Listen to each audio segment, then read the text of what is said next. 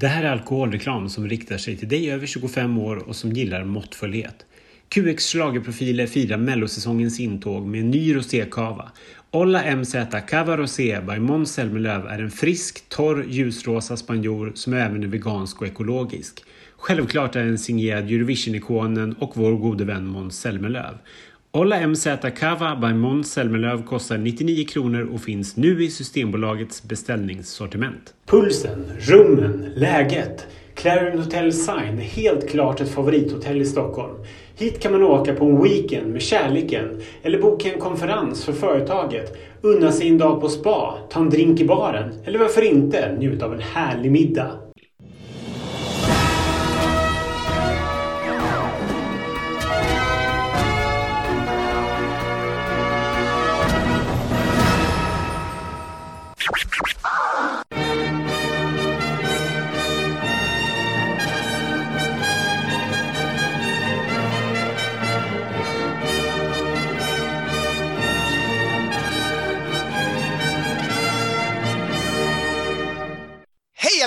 Och välkomna till ytterligare en podd med QX Schlagerprofilerna i vår serie med Inför Eurovision 2022 poddar och det här är den andra podden där vi ska lyssna klart på den första eh, semifinalen.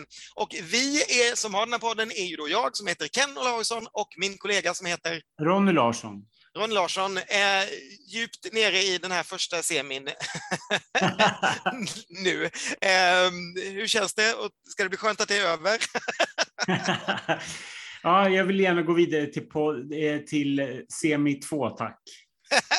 ja, nu får, du vänta, nu får du vänta lite med, för först ska vi gå igenom de sista eh, åtta låtarna här. Men det ska vi inte göra själva, utan som vanligt har vi kallat in en av våra favoriter som gäst. Och vår gäst, han skrev faktiskt Cornelia Jacobs Melodifestivaldebut Dance Alone 2011, eller i alla fall var en av dem som gjorde det. Men annars så pysslar han mest med att skriva världshits till artister som Jennifer Lopez på den tiden. Men tio år senare, ja, då återkommer han med besked. På bara två år så har han lyckats få med, få med elva bidrag i Melodifestivalen, varav sju har tagit sig till final. Och förra året, då tog han både guld och silver. Eh, Förutom eh, att skrivit Eriks och Tusses låt i fjol så hade han dessutom i Rotterdam med tre bidrag i Eurovisionfinalen eftersom han dessutom låg bakom både Sverige, Cypern och San Marino. Välkommen till podden Jimmy Åke Törnfeldt! Wow! Tack så mycket! Det är inget dåligt CV det där du. Nej, men tack. Det, det, var nästan så här själv bara, vad vem är det ni pratar om? Nej, det där gjorde du bättre. Jag kommer knappt själv ihåg det där. Jättebra. Jättekul att få vara med. Alltså jättekul. Spännande. ja, men vad roligt. Vad är ditt förhållande till Eurovision liksom? Eh, ja, men alltså jag har ju alltid älskat Eurovision. Eh, och och eh, man har alltid samlats på lördagen där och eh, med eh, chips och lite dricka och allt vad det är och gått igenom allting eh, sen man var liten alltså, verkligen. Mm. Har du någon stor favorit genom åren? Ja, jag har faktiskt det. Alltså, självklart eh, Loreen, men den är lite tråkig. Men jag har faktiskt, jag tycker om Soldi. Ja, kul. Det är någonting. Mm. Är en av mina favoriter också. Ja, mm. Men om- om vi ser till förra året till exempel, hur kom det sig att du skrev eh, Cyperns och San Marinos låt? Eh, det var faktiskt, vi, vi fick lite förfrågan eh, om vi hade en låt till Cypern. De hade massor med låtar eh, och eh, vi hade gjort, vi, hade, vi var inte riktigt klara med låten. Vi hade gjort refräng och allting så eh, som vi kände jävligt bra och vi tänkte att det här skulle vi kunna presentera till Eva Max eller kanske till och med till Gaga själv. Ja. Så kom de och bara, vi behöver den låten. Och vi bara, vi kör, vi visar den här. Jag lovar, de kommer dö för den. Eh, och det gjorde de. Så att eh, vi bara, vi kör. Vi, vi, vi, om någon är intresserad av en låt, och de, för de var riktigt pepp på den låten och skulle eh, lägga mycket krut på det och bla bla bla. Så att bara, ja, vi kör det. Det är bättre att köra på någon som är intresserad och köra. Och eh, samma sak var ju eh, San Marino. Det var, fick vi också förfrågan om, hade vi något? Så då sattes vi lite från scratch. Det fanns någon melodislinga eh, som någon hade skrivit. Och jag bara, det där, det där är bra. Men vi måste skriva om lite. Ja. Men det där, det där tror jag. Men, och då så här, Och hon var ju ganska okänd. Eh, så att sa så här, okej, okay, kravet för att ni ska få den här låten, då visar vi upp den, de bara, we love it. Men kravet om ni ska göra den här låten, då måste det vara med någonting som drar där. Alltså mm. ni måste få med en feature, någon fet, whatever, liksom så här. Och då började vi spåna och då kom vi fram till liksom att eh, ja, vi kanske kunde få med lite flowrider där. Som man gör. ja. Så att, eh, ja, så så gick det till. Typ. Okej, okay. men jag tänker på det, och ditt tra liksom track record som Ken nämnde i Melodifestivalen är ju fantastiskt. Hur kom det sig att du bara liksom, nu vill jag satsa på Mello och lyckas dessutom direkt att få med så mycket låtar? Eh, jo, det här har med, det här har helt och hållet, näst, nästan helt och hållet, men med corona att göra. Okej. Okay. För att då, då, då öppnades upp, liksom, då fick man ju sitta hemma liksom och jag tycker om att, träffa folk och lite sådär vara med.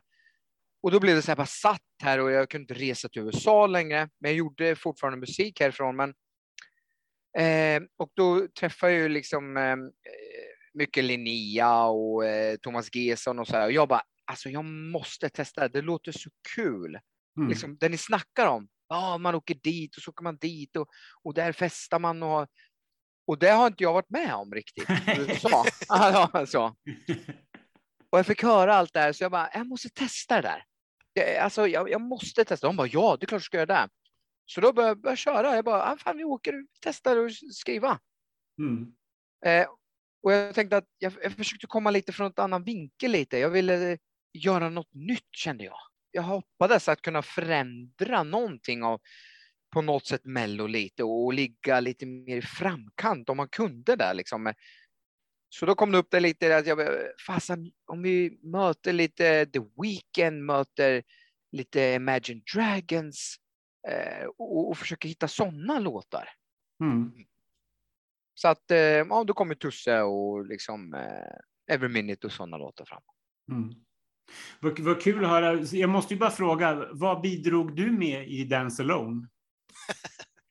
jo, men det gjorde vi faktiskt. Eh, det var en egen historia, för då blev vi uppringda och frågade om vi var intresserade av att göra det här.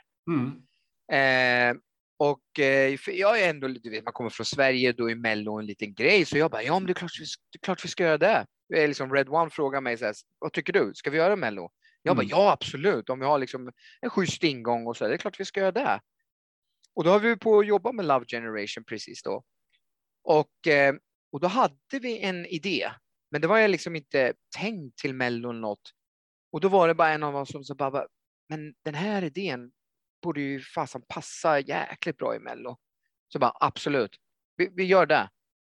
Så då, då, då satte vi ihop, det var jag och Red One och eh, en till då som började skriva ihop låten klart och färdigt och så. Och så var det några till som gjorde färdigt eh, låten liksom.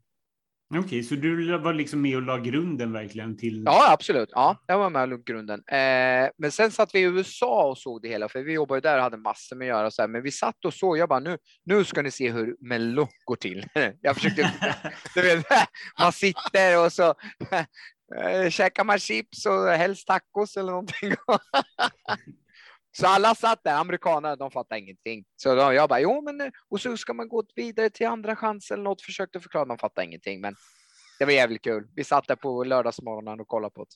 Ja, hur var, hur var det liksom? För den var ju, jag tänkte, den var ju favorittippad. Vi älskade ju den så mycket. Man, vi var ju så besvikna när, när liksom den gick till andra chansen. Hur, hur, var, hur kände du själv då? Vi var nog inne så eh, mycket i, vi hade så ganska mycket jobb så vi hann inte reagera riktigt, men jag kommer ihåg att vi blev ganska besvikna. För vi trodde väl att vi hade någon större chans faktiskt. Mm.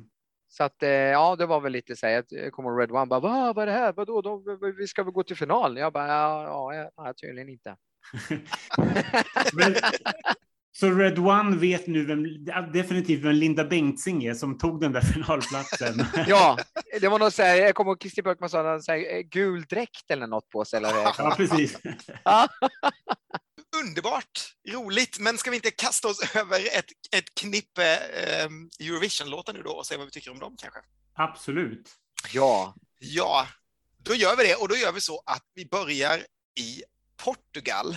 Ehm, det var inte många som hade tippat att The Black Mamba skulle ta sig final i fjol, men Love is on my side överraskade och gav landet deras näst bästa placering sedan semifinalerna infördes i Eurovision. Och kanske påverkade detta när juryn och tv-tittarna i år enigt valde 27-åriga Los Angeles-baserade Maro, som är kort för Mariana Brito da Cruz for Jazz Seca, till vinnare av årets Festival de Cancao. Eh, låten Sudade Sudade, den sjungs nämligen mestadels på engelska, även om titeln då är ett portugisiskt ord. Och det här ordet, det saknar en direkt engelsk översättning, men sägs betyda ett djupt känslomässigt tillstånd av melankonisk längtan efter en person eller sak som är frånvarande kan man säga bara Sudade istället. Eh, och det här handlar alltså då om Mauros morfar. Så här låter Sudade Sudade med Maro. Sudade.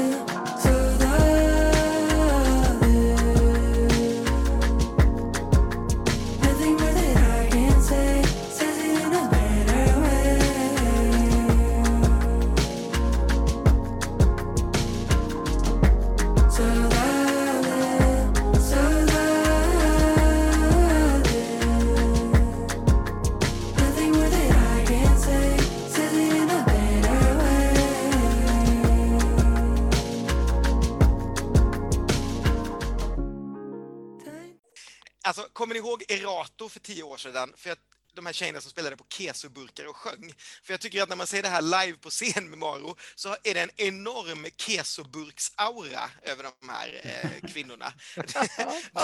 man bara känner att snart kommer de fram, de här små burkarna, och så kommer de att börja flytta dem. Men med det sagt så det, jag, jag, tycker det är väldigt roligt, jag gör mig ganska lustig över den här låten också, för jag har några kompisar som verkligen älskar den här. Eh, men jag måste erkänna att jag tycker att den är väldigt fin, den här låten i all sin enkelhet, och den är väldigt portugisisk.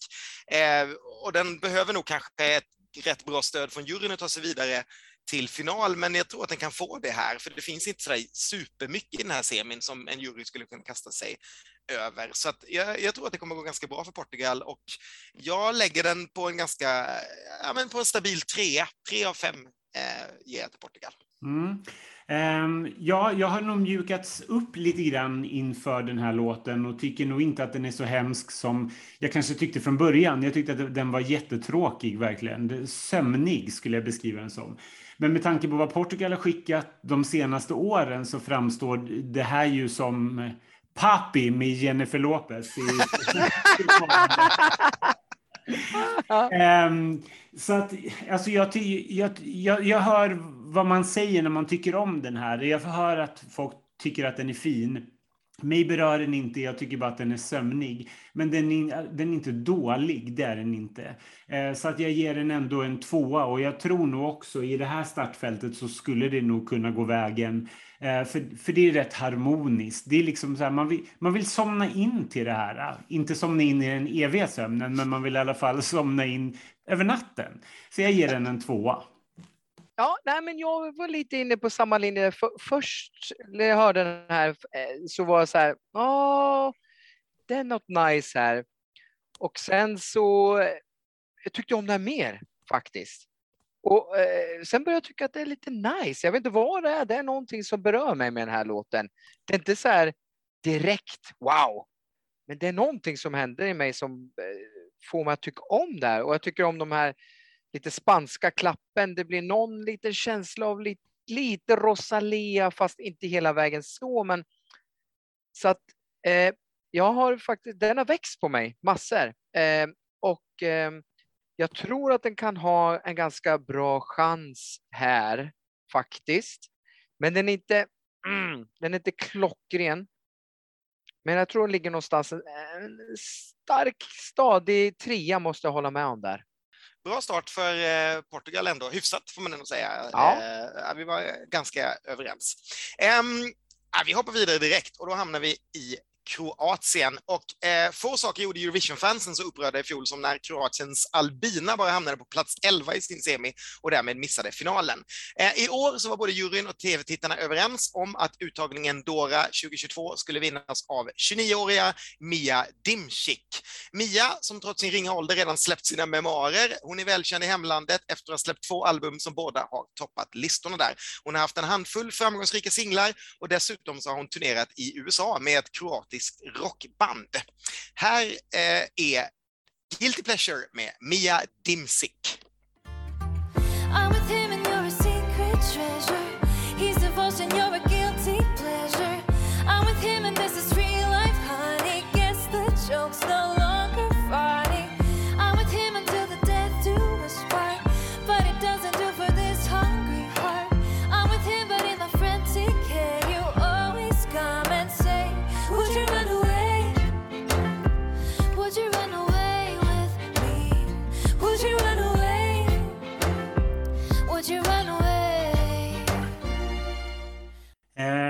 Ja, det här är en sån här låt som jag inte riktigt vet vad jag ska säga om. Den, den bara pålar förbi. Den är verkligen inte dålig.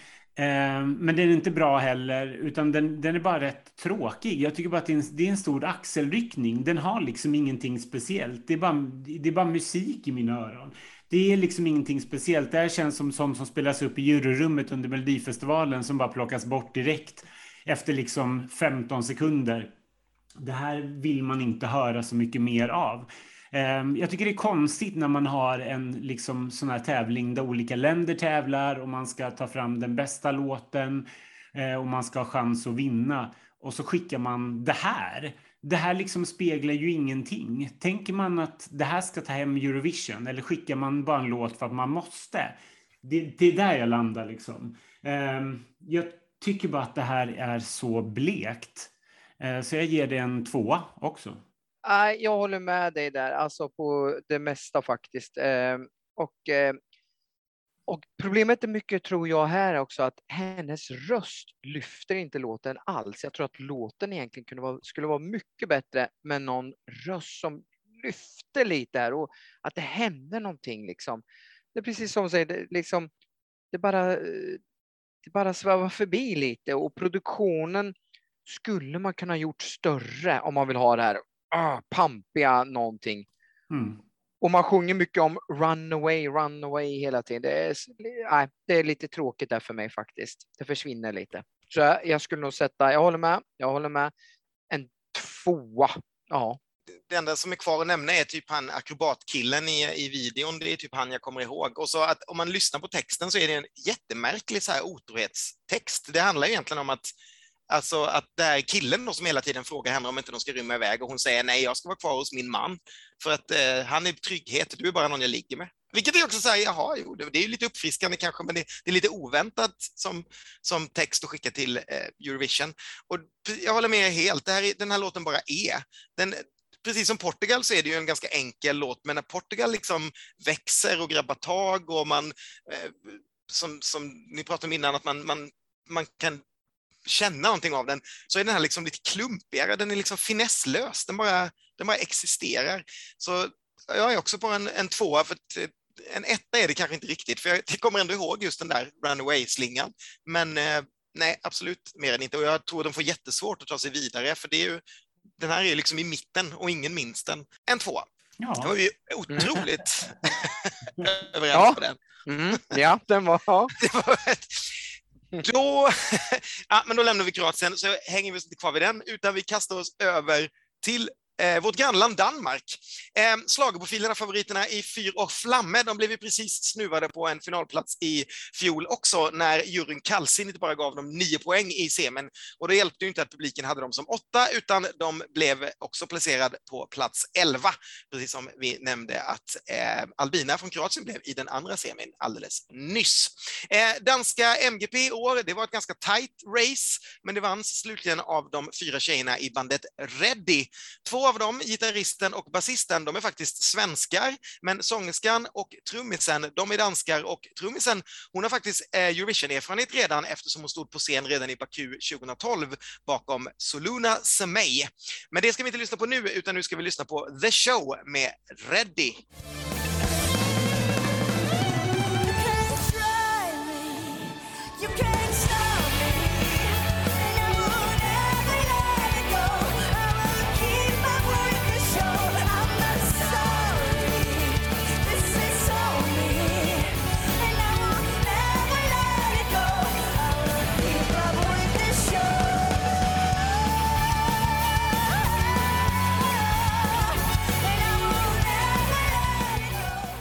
Jo, men alltså jag såg lite av eh, eh, framträdande också och jag, jag tyckte först att det, det började intressant här. Nå, Okej, vad är det här som kommer att hända om man har klätt ut sig på ett annat sätt, inte det normala man får.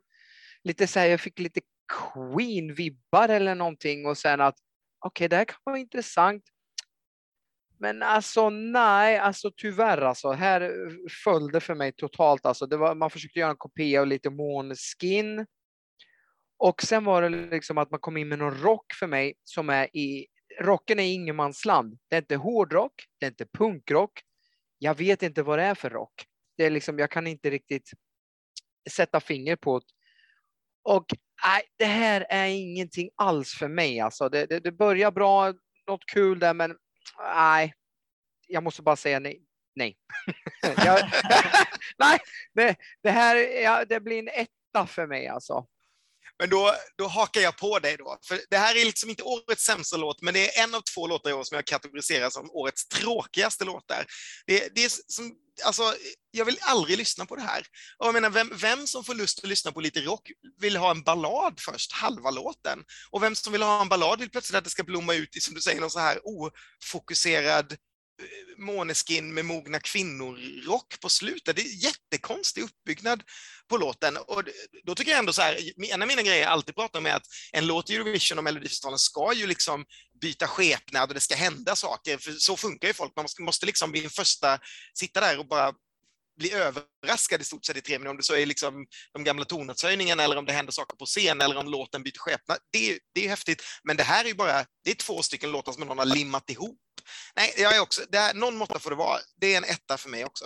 Ja, jag vet inte vad jag ska säga. Alltså, Danmark är nog det ojämnaste landet för mig i Eurovision, alla kategorier. Det är verkligen upp och ner. Eh, då och då så är de verkligen mitt favoritland och jag hoppas varje år att de ska skicka någonting bra. De har skickat så mycket så här Ronny-favoriter genom åren som jag verkligen har älskat. Ehm, men sen så emellanåt så skickar de sånt här, då skickar de verkligen det mest meningslösa man kan tänka sig. Det är liksom sånt här The way you are med antisocial media eller Soldiers of Love med Lighthouse X eller Where, Where I am med Anja Nissen. Det är liksom såna, axelryckningar som man bara, men vad gör ni för någonting? Eh, och sen i år, så, när jag fick höra de låtarna som de hade tagit ut, så var de helt ute och cyklade igen efter att ha lyckats förra året då med Fyr och Flamme som är superstora i Danmark och som fick en jättestor hit. Eh, att det inte funkar i Eurovision, det köper jag helt liksom, men då ska det i alla fall funka på hemmaplan. Men här är ni inne på någonting som, som jag verkligen håller med om. Att så här, det här är ju för ingen. Vem ska lyssna på det här? Vem ska ha det här som favorit? Det är för mig helt obegripligt. Nej, när jag har tittat på det här och när jag sätter med kompisar så har jag roat mig med att säga så här. En av de här kvinnorna är 55 år. Gissa vem? Ja. Jag får också fundera på det istället för att lyssna på låten. Och det är typ så man ska behandla den här låten. Den är liksom inte ens värd att lyssna på tycker jag. Säg Nej. en etta. ja. Är en av kvinnorna 55? Nej. Eller, nej, Nej. Ja, jag bara, vem är det? men det är inte Jag bara, inte vem, med vem, är det? Det måste jag se vem det är. Gud, det är ett roligt drinking game. Det blir så Ja. liksom, alla bara, mm. Ja, nej, ja. det, det gick ju inte så bra för Danmark kan man säga. Eh, dit får vi kanske inte åka igen då. Eh, men vad är väl det? Vi ska nämligen åka till Österrike. Eh, Österrikets eh, Ammen tog sig inte ur semifinalen i fjol, så i år satsar alplandet hårt och skickar en av sina hetaste popartister just nu faktiskt. Lumix, eller Luca Mickelmeier som han är döpt till. Han teamade upp med Gabri Ponte från Eiffel 66 redan 2017. Då skrev de låten Monster och därefter skrev de låten Thunder. Och nu 400 miljoner streams senare så har de också skrivit årets Eurovision-bidrag tillsammans. Sångerskan, hon heter Pia-Maria och hon arbetar till vardags som sminkös på Tyrolens stadsteater i Innsbruck, kan det bli mera Österrike. Här är Halo med Lumix featuring Pia-Maria.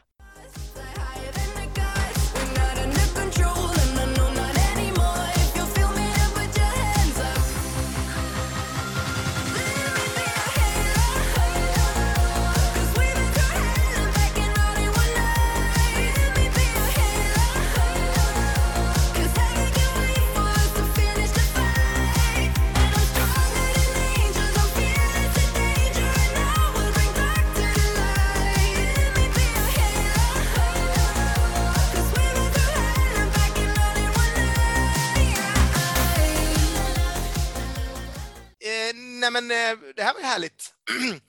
Eh, dels blir jag alltid glad när länder skickar artister som är relevanta i sina hem, hemländer, precis som du pratade innan om Ronny, om Danmark där. Att, alltså, vad som än händer i Eurovision, skickar man någon som är stor hemma som man kan liksom enas kring eller skickar man en stor artist, då är man inne på rätt spår. Och även om inte jag är någon så här superfan av Thunder så är ju liksom 200 miljoner streams är ju vansinne.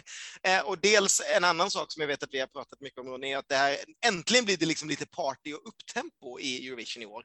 Eh, det går ju bara liksom att lyssna på det vi har lyssnat på tidigare här som har varit ganska eh, sömnigt. Så att det här är ju liksom en, en riktig partyhit som kan bli jättestor om om den liksom inte bara försvinner i Eurovision. Och oj, vi hoppas på att de gör något riktigt bra av det på scen och inte någon så här DJ Bobo-fiasko. Eh, så. Äh, det här är en solklar fyra för mig. Ja, men jag, jag gillar det här jättemycket också. Jag håller nog det här som en av mina absoluta eh, favoriter i årets Eurovision. Jag tycker att den är jättebra och jag håller helt med om i princip allting du säger, för jag tycker att det är skitviktigt att skicka en relevant artist. Men jag, har också, jag, är också livrädd för att de ska sjabbla bort det just genom att man vet inte hur hon sjunger och att det typ blir skyltdockor på scen. Eh, så, att, så att man bara kommer känna, men vad är det här för någonting? Eh, och det har vi ju sett tidigare när man har skickat eh, artister som, som en stor del har känt till, typ Kate Ryan eller DJ Bobo eller Blue eller den, den typen av gamla artister. Liksom. Nu, är inte, nu är inte Lumix en gammal artist, utan han är i högsta grad relevant. Men det är i alla fall ett namn. Liksom.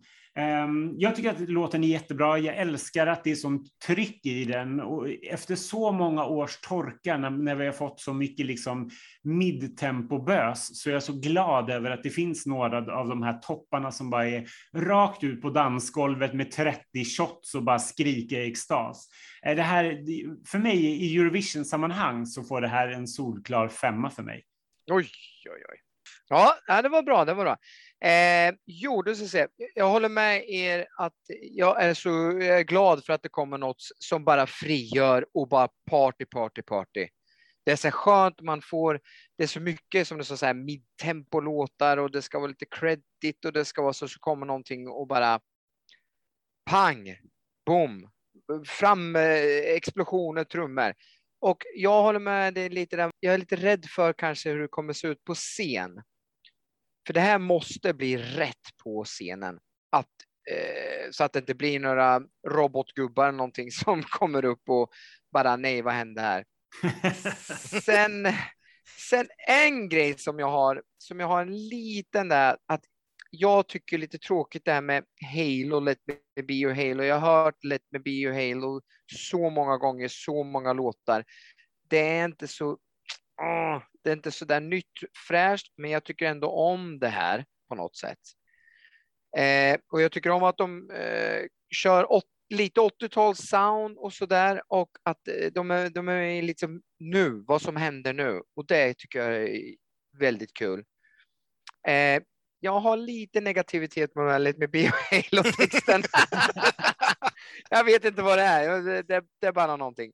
Men ändå, jag tror att det här kan, kommer gå ganska bra om de gör det rätt på scen. Jag ligger på en trea. Vad hade man kunnat använda för några ord istället? Det är liksom, ja, det är, det är det svåra. Det är det som är det svåra. Vad kan man ta istället? Och det kanske man aldrig hittar det ordet, men ja, det, det, är den, det är den nöten man ska knäcka helst för mig. Ja. Om man hittar den här liksom typ som, ja, jag vet inte, men som förra året El Diablo. Det är ja, inte så precis. många som använt den. Förstår du? Det blir så här, wow, vad fan, vad då El Diablo? Ja, det är djävulen. Du blev kär i djävulen. Let me be your Halo, I'm a Halo. Hört det väldigt många gånger. Mm. Hade man haft den här titeln som, ah, det där har jag inte riktigt hört. Då triggar det mig. Ja, men det, och det tycker jag är en jättekul grej, för det är ju, det är ju verkligen så. Ju, när man scrollar igenom startfältet så, ser, så är det ju inte mycket som sticker ut egentligen. Nu är det ju mycket liksom nationella språk. Men jag tänker det som är på engelska, det säger ju liksom inte så mycket. Förutom då en låt som kommer senare som Norge tävlar med. Men, men ja. i övrigt, liksom, the show, det, det, är liksom, det säger ju ingenting. Nej, exakt, det är ingenting. Och, och, och det, man blir inte intresserad. Man måste ju intressera folk redan vid titeln lite. Precis. Mm. Ja. Så där kände jag direkt när jag såg titeln, så, så bara Halo, bara okej, men den har gjort så många gånger, Beyoncé och så många andra, så Halo och lite sådär. Mm. Sen får man ge dem att Monster och Thunder kanske inte heller är det. Det känns som en liten trend på den här duon Ja. när de skriver Ja, in. eh, ja, Det ja, ska ja. använda ord som är så trötta och inte säger någonting alls. Men, men här, måste jag, här blir jag lite nyfiken. Har du liksom en, en liten bok där du har bra låttitlar som bara väntar på att få komma ut och få liksom en text och en låt till sig? Ja, jag har en, en liten, en liten eh, titlar som är bara, ah, det där var coolt. Ja, vad Eh, kul. För det var så att jag hade, ett exempel är ju till exempel som El Diablo. Mm. Liksom. Jag hade melodin, jätte, jag hade den i säkert två år. Men jag hade inte titeln. För det, jag bara, nej, det måste vara någon titel som bara, och så kom jag bara på den då. Jag gick och sa, för jag kallar min eh, son, bara, nu kommer El Diablo. Liksom djävulen själv. Och, och då bara El Diablo, El Diablo kan man inte använda, fan det är lite det är intressant med El Diablo. Och då bara, det kan vi sätta in där. Och då liksom, ah, då blir det intressant. Yes. Då flyger vi från fastlandet och dimper ner på Island som efter att ha varit storfavoriter och vinna det inställda året 2020 så hamnade Daddy och hans gäng fyra i fjol efter att ha tvingats i karantän med covid och bara därför kunna visa upp ett repetitionsklipp i finalsändningen. Eh, I år så var inte Daddy med i Söngva Keppin utan det var dags att ta in lite nya artister och utan Daddy så var det faktiskt en ganska blek tillställning som vanns av systertrion Sigga, Beta och Elin. Eh, trion som numera kallar sig för Syster, de har spelat ihop sedan 2011. De är väldigt socialt engagerade och har faktiskt senaste åren fokuserat mycket på rättigheter för transsexuella barn. Men nu ska vi höra dem sjunga och jag tänker inte ens ge mig in på att uttala den här titeln på isländska, men på svenska så betyder titeln med soluppgången. Här har ni Island.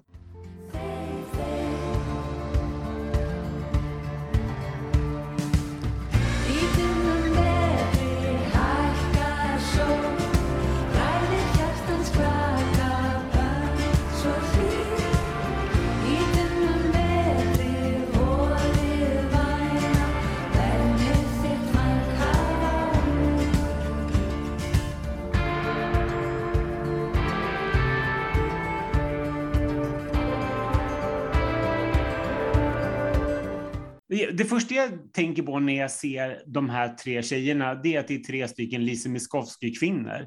Eh, och, och jag får lite Cookies and Beans-vibbar från, eh, ja, från Melodifestivalens eh, tidigare år. Eh, jag tycker att låten saknar någonting. Jag tycker det känns som att de vill säga någonting och de hade kunnat vara bra. Det, det ser bra ut när man stänger av ljudet, men sen tycker inte jag att när man på ljudet så tycker inte jag att låten riktigt lyfter. Den har ingenting speciellt. Den bara pålar på och är rätt fin, men den, jag saknar det här liksom hitkänslan som, som jag tycker ändå att Lise Miskovsky hade i Melodifestivalen. Eh, så jag hade velat haft en bättre låt till de här tjejerna, för det, låter, det är ju ett jättekul koncept ändå eh, Eh, med systrarna och deras eh, roliga isländska namn. Men nej, jag tror inte att det här kommer riktigt gå vägen efter de här två senaste åren då de har skickat Dadi, eh, som jag tror hade absolut kunnat placera sig väldigt bra första året och det gick uppenbarligen bra andra året. Jag ger det här en rätt svag tvåa. Det här är en axelryckning för mig. Ja, jag är väl, in, jag är väl inne på samma spår här. Alltså det, man får ju lite för känslan av Anna Bergendahl Lisa Miskovsky på scenen, lite, fast utan den här stora refrängen. Men eh, fast man mår ändå ganska bra när jag lyssnar på det. Jag blundar faktiskt bara och, och då, ja, jag mådde ganska bra till låten.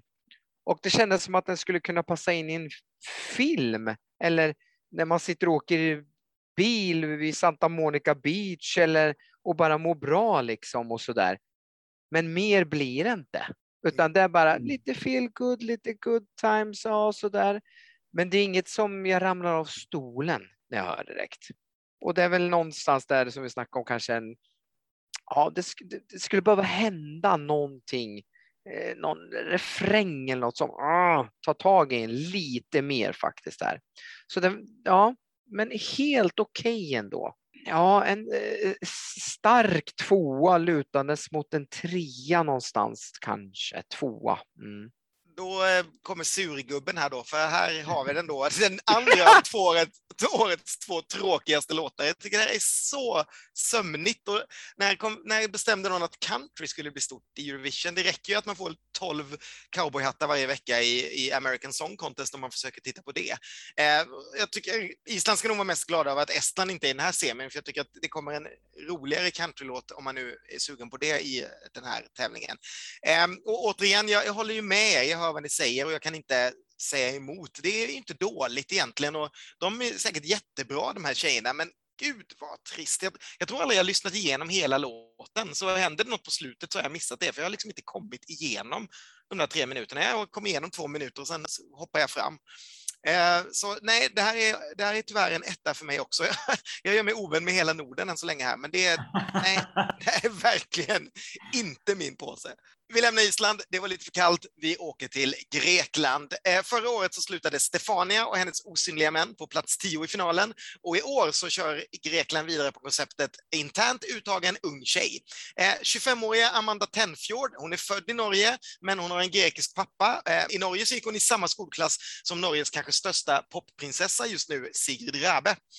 Efter flera hits i hemlandet och utanför så har hon nu plockat in sitt grekiska mellannamn Georgiadis för att kunna representera sin pappas hemland med en i övrigt helt norskskriven låt. Så 100% norskt utom ett mellannamn när vi lyssnar på Amanda Georgiadi Tenfjord med Die Together. But if we die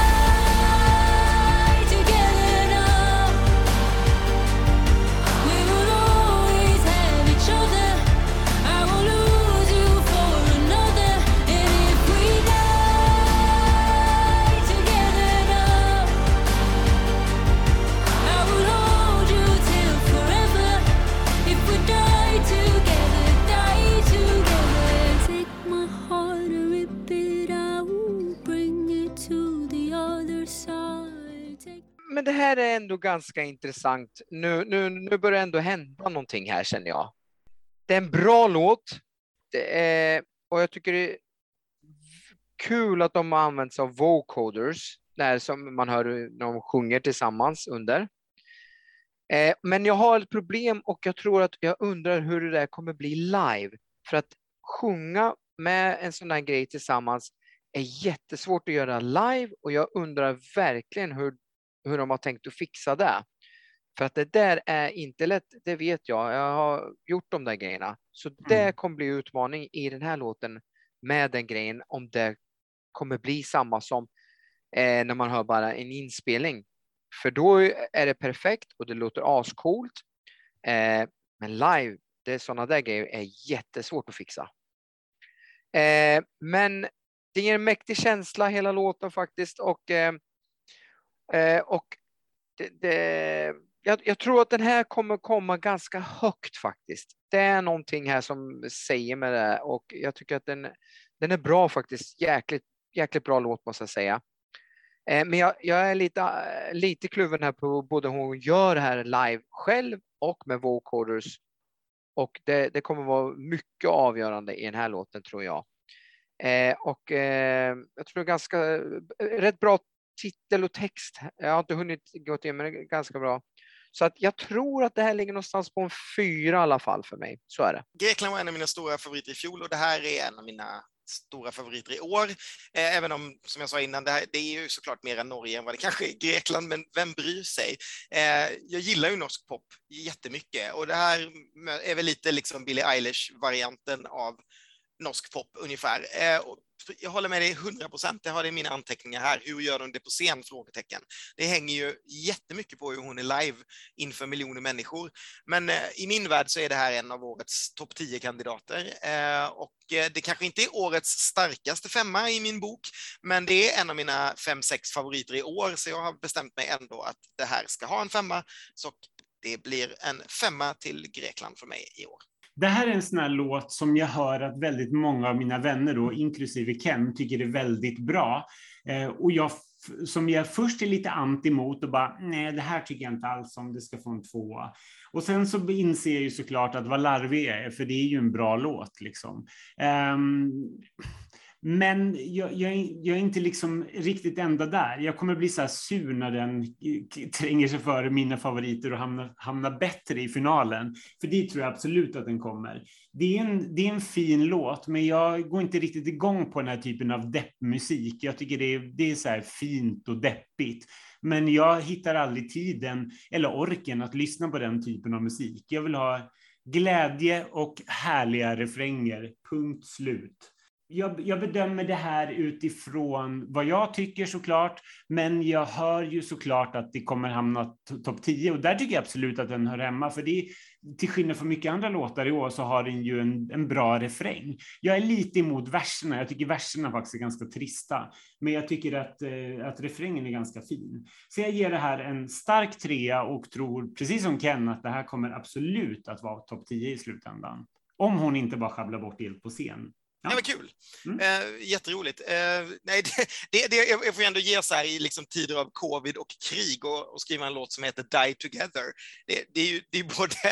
Eh, man blir inte glad kanske av det. Samtidigt så är det ju liksom en ganska hoppfull, alltså det är ju en kärlekslåt i den här grejen, att även om vi dör nu tillsammans så har vi haft varandra och, och så vidare. Så det är, det, är en, det är en ganska fin text, men man blir ju, det är som du säger, man läser igenom listan så kanske inte ögonen bara, mm, vad- kul, den, den sätter jag på den här morgonen när vi har hört vad som har hänt i, i Ukraina. Jag har, Liksom. li- jag har liksom insett att jag tycker om, jag vill, jag vill ha så här glad, jag vill ha upptempolåtar, men de får gärna ha vemod i sig. Det, det är nog mest det. Det är nog de bästa låtarna, tror jag, upptempolåtarna som har vemod. Men just när det blir båda två så tycker jag att det blir lite, det blir lite tråkigt för mig bara. Mm. Nej, den här slängde jag direkt över på någon, eh, mina, mina vanliga listor, som jag kallar dem, de listorna. Ja. Det är inte den som inte bara har Eurovision-musik. Mellanmjölkslistan. Ja, men precis. Ehm, ja, nej, men när vi ändå är inne på Norge, varför inte bege oss till Norge? Förra året så trodde många fans och tittare att Tix var ett skämtbidrag när han med sina stora änglavingar och kedjor gav Norge en 18 plats i finalen. Men de hade ju fel. Men de som tar årets norska eh, MGP-vinnare Subwoofer på fullt allvar, de är nog ute lite fel de också. Eh, den här duon som i sann Masked Singer-anda vägrar tala om vilka de är, de kallar sig för Keith och Jim. De ser ut som två gula vargar och de hävdar att de kommer från månen. De påstår att de skrev den här låten eh, genom att få ett uppdrag från Neil Armstrong och nu ska de framföra den i Eurovision tillsammans med sin kompis DJ Astronaut. Och jag tycker det räcker där med påhittad fakta som är det enda som finns om det här gänget. Nu lyssnar vi på Subwoofer och Give That Wolf a Banana.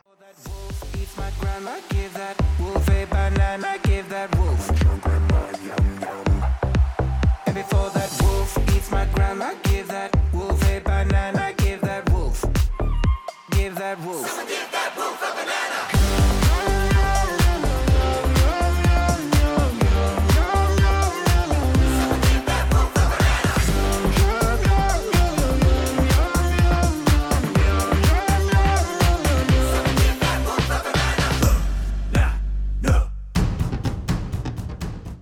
Jag har gillat den här låten sedan jag hörde den första gången och det var min favorit i den norska finalen. Jag var ju jättetrött på vad de gjorde i Norge i år och det här tyckte jag var det enda rätta.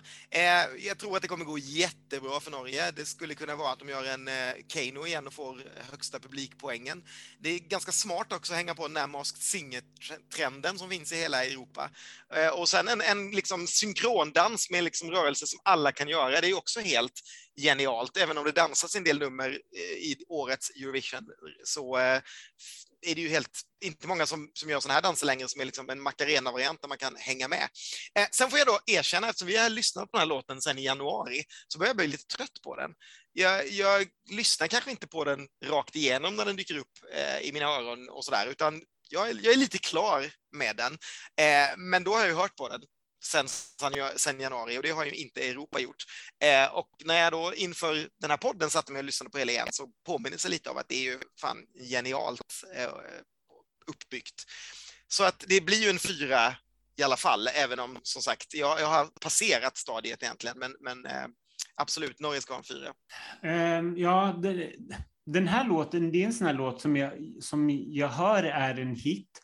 Och jag tyckte också att den skulle vinna, för Norge hade sån fruktansvärt eh, tråkig uttagning, utom en låt som hette Asta la vista med Alexandra Joner, som var, jag älskade så mycket, som jag fortfarande spelar. Så den vill jag tipsa om, ifall det är någon som vill upptäcka någonting annat norskt. Tyvärr var hon inte så bra live, men eh, låten var väldigt härlig. Men jag viker från det vi skulle prata om egentligen och det var ju de här gula vargarna. Jag tycker att det är en jättekul idé. Jag känner bara mer sånt här eh, härligt upptempo-knas i Eurovision. Man blir bara jätteglad av det. Ehm, jag tror precis som Ken att det kommer gå jättebra. Vilket jag tycker är, verkligen är så här välförtjänt. För även om det är en plojlåt så finns det en tanke bakom det. Jag tycker inte man slarvar bort det här, utan jag tycker man, man, man tar ploj på allvar ändå, tycker jag. Vilket kanske låter jättekonstigt. Ehm, jag ger det här en stark eh, trea. Det är nog absolut ingenting. Jag blir glad varje gång eh, jag hör den, men jag vill aldrig plocka in den på en spellista. Eh, för då skulle jag tröttna på den på två sekunder. Ja, ni har rätt i allt ni säger. ja, nej, men det, det är samma. Jag håller med här. Det är så här eh, först när jag såg det här första gången så var det så här, så här ah, men det här är ett genidrag alltså. Och eh, gimmicks eh, funkar ju alltid och det behövs verkligen en så här tävling och speciellt i år för det känns att det är så många liksom midtempo ballader och om det är för mycket sånt, då kommer ju den här sticka ut extra mycket. Eh, och, och om man lyssnar på verserna så är verserna faktiskt väldigt bra om man bara blundar och lyssnar. De sjunger ganska bra, grabbarna. Det är en kul grej och det är en gimmick och så, men jag kommer nog aldrig sätta på den själv hemma och lyssna på den. Det kommer nog aldrig hända. Men jag tycker att det är smart och det behövs i den här tävlingen och, och det, det är kul att det, de, de målar upp äh, i allt tragiskt som händer nu i världen och allt det här så är det så perfekt att de gör det här. Det är jättekul och jag tror de kommer komma någonstans, eh, ja, topp 10 förmodligen om det är för mycket midtempo-låtar. Eh, så att jag håll, tror att en, ja, en stark trea. Kul! Kul för Norge. Mm. Eh, och då är vi inne redan på den sista låten eh, i den här semifinalen och det är Armenien. Eh, förra året så var inte Armenien med, då stod de över Eurovision på grund av kriget i Nagorno-Karabach. Men i år så är de tillbaka igen och eh, vill fortfarande då försöka vinna Eurovision för första gången, speciellt eftersom de faktiskt vann junior-Eurovision i december förra året, så det kommer hållas i Armenien nästa gång. Nåväl, eh, sångerskan Rosalind är inget barn, hon är 21 år, Okej då. Eh, och släppte sin debutsingel så sent som i fjol. Eh, hon har inte hunnit med mycket mer eh, i karriären än så, utan valdes ut helt internt av tv-bolaget och har skrivit sin låt tillsammans med fem andra låtskrivare. Här är Snap med Rosa Lind. I just need time. Snapping one,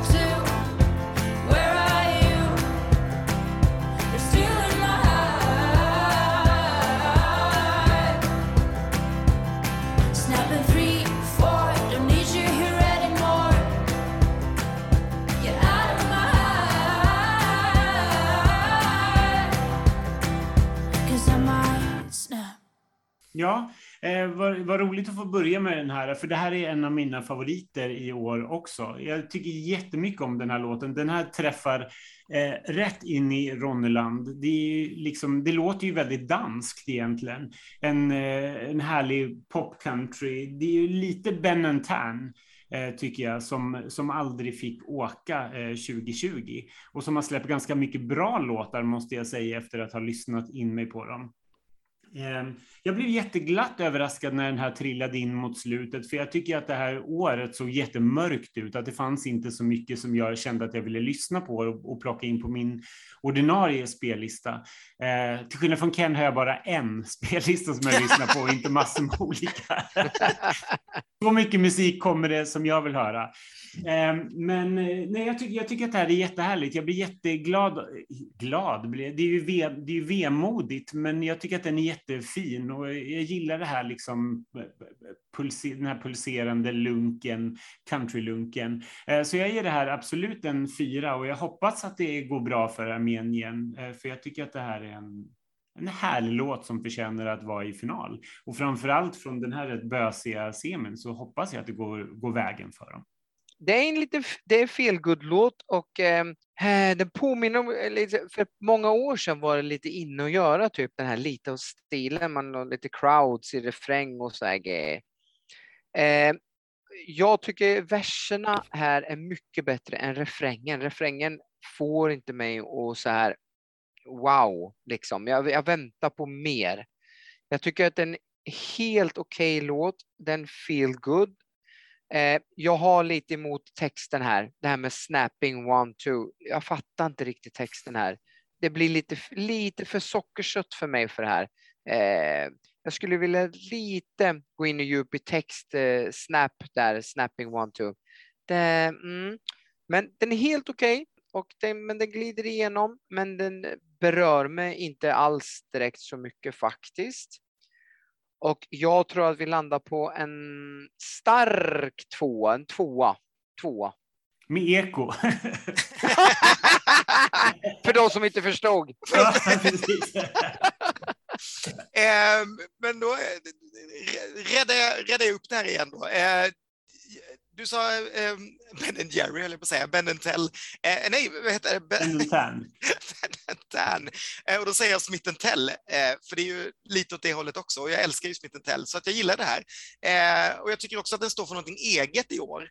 Eh, och det är också härligt, för det är, det är lätt att klumpa ihop låtar på olika sätt i år. Ja, det här är de depressiva tjejlåtarna och det här är eh, rocklåtarna och det här är det gänget, det här är countrylåtarna. Men den här tycker jag står för något eget, vilket jag tycker är härligt. Och Armenien brukar ju alltid göra bra ifrån sig på scen. Eh, de är ju några av de som brukar plocka in rätt folk och göra snygga saker och hitta på grejer. Så att de kommer ju absolut inte ha några problem att ta sig i final, det tror jag inte heller. Och de kan nog komma en bit upp. Dock så vet jag inte hur det kommer gå för så här ryssvänliga länder i år i, eh, i Eurovision eller om de bara kommer floppa av farten. Eller hur, det, det, där är så, det ligger liksom en annan sorts dimension än musiken på årets Eurovision som man inte riktigt vet om. Så det är väldigt svårt att veta då när någon som är så close connected till Ryssland Mm. som Armenien är, eh, hur det kommer gå för dem. Men eh, det är ju inte hennes fel. Så att jag ger nog, nej men jag ger det här en, en svag fyra ändå. En fyra är det för mig. Mm. Så där hamnar den. Ja, det var det. Och tittar man lite snabbt eh, på resultatet så hade vi två stycken tolvor, det var Österrike och Grekland, och två stycken tior som var Norge och Armenien. Och sen kan vi nog glömma, de, nej, vi, vi hade i och för sig eh, Portugal på åtta också. Så det var hyfsat eh, jämnt, men ändå ganska tydligt att det var Österrike och Grekland som vi gillade bäst i den här halvan i alla fall. Tror vi att någon här kan vinna alltihopa? Eh, nej. Nej, det tror nog inte jag heller. Nej, det kan, Nej. Jag inte, det kan jag inte tänka mig. Det är, Nej. jag, jag tror i sådana fall att Grekland skulle vara närmst av dem som vi har pratat om att vinna eh, sådana fall. Eh, eller om det blir liksom en upset och liksom om det blir så att, som du sa, att Norge får mest av folket och sen så tycker liksom att jurygruppen att ja, men det här var väl helt okej. Mm. Man, man vet ju liksom inte. Det är, så, det är det som är så spännande med Eurovision nu för tiden tycker jag, just att när de här folkpoängen delas ut och när man redan har fått jurypoängen, att det kan på något sätt bli lite grann hur som helst. Mm. Ja, exakt. Ja, men jag tror också, jag håller med dig, Grekland det känns på pappret eh, som skulle ha störst chans av de här. Mm.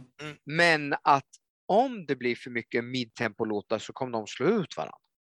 Mm. Li- lite. Och då Ja. kan ju sån här bananas bli jättekul när man sitter på lördagskvällen och bara, äh, den röstar vi på. Grekland är liksom en, en fin låt och det är en bra låt och ju, även om inte jag tyckte att den var all that så förstår jag att folk tycker att den är det, men det känns inte som en vinnarlåt. Tycker Mm. jag. Det känns som att den skulle kunna, topp fem, absolut, Ja. men, men, men den räcker liksom inte ända fram. Jag har svårt att se att hela Europa skulle enas kring den här. Nej, Nej, Jag det håller- håller jag med om. jag håller också med om det. Jag har också jättesvårt att se att den ens... Alltså det, det, de andra som är liksom favorittippade i topp, den är liksom en, den är en klassisk topp 10, men kanske, jag skulle nog till och med säga att den kanske är någonstans mellan 5 och 10 skulle jag nog tänka att den hamnar om de gör, om de inte gör, antingen gör något kanon på scen som är så här, det här har vi aldrig sett och hon är liksom that, eh, så, eller om tvärtom, att hon inte klarar det. Liksom. Då, det spelar ju såklart in. Men, Det, eh, den som jag tyvärr kanske eh, tror kommer falla hårt, det kan bli Österrike just för att vi är så osäkra på hur det kommer bli på scen. De måste ju verkligen skruva till då och få till, få till ett snyggt scennummer till den här, för det här är en sån typisk sån låt som är favorit bland alla fans och på, på listorna innan just för att det, liksom, det är ett namn och den typen av låt, men att den, den kan falla liksom när det väl närmar sig, när den ställs mot allting annat. Och det finns ju ett problem, det är två problem där. Dels att Österrike är väl inte kända direkt för att lyckas göra saker på scen. De har väl typ aldrig gjort det mer än med Conchita, att det liksom blev något vettigt eh, av deras scennummer. Och sen är det ju lite så här, när, när artisten själv inte sjunger, utan är liksom en producent, och så ska han stå där och fake-DJ DJ liksom på scen, eller vad, vad han nu ska, vad, vad gör man med honom liksom, på något sätt? Det, det, det blir, Ja. utan att det blir bara blir lökigt, liksom, att han står där och ska veva igång Nej, jag vet inte. Det, det, ja. Nej, det, Nej, det, det blir, ja, jag håller, den blir nog svår. Den kan falla ganska eh, pladask. det är inget du känner i med att eh, nästa år så gör vi ett nummer där jag står på scen. Ja, ja, ja absolut. Mello nästa. Mello nästa. Let's go. Med, med, med jag, menar du, menar du du Ken eller menade du Jimmy? Nu menar jag Jimmy, jag menar en låt. Ja. Och bara stå där. Vi, ska ja. nog inte, vi ska nog inte sätta mig på scen någonstans. I, den närmaste tror jag inte. Jag vill se dig med ett par stora hörlurar bakom ett DJ-bås. ja, jag tror inte vi ska sätta mig heller på scen. Det kommer inte se bra ut. Nej, nej det, det, där, det där släpper vi rätt hårt. Ehm, men eh, nu har vi snackat på här, så nu kanske det är dags att bara avsluta den här podden och tacka Jimmy så jättemycket för att du ville vara med. Jag tyckte det var skitkul att vara med dig. Jätteroligt att få in en röst som man inte har hört innan tycka till om eh, Eurovision-låtarna här i våra poddar. Ja, tack så himla mycket. Ja, tack så mycket. Det var jättekul att höra och du gjorde en debut med bravur måste jag säga. Du är, du är inne i ett, ett stim nu här, så det känns som att dig vill vi absolut ha tillbaka.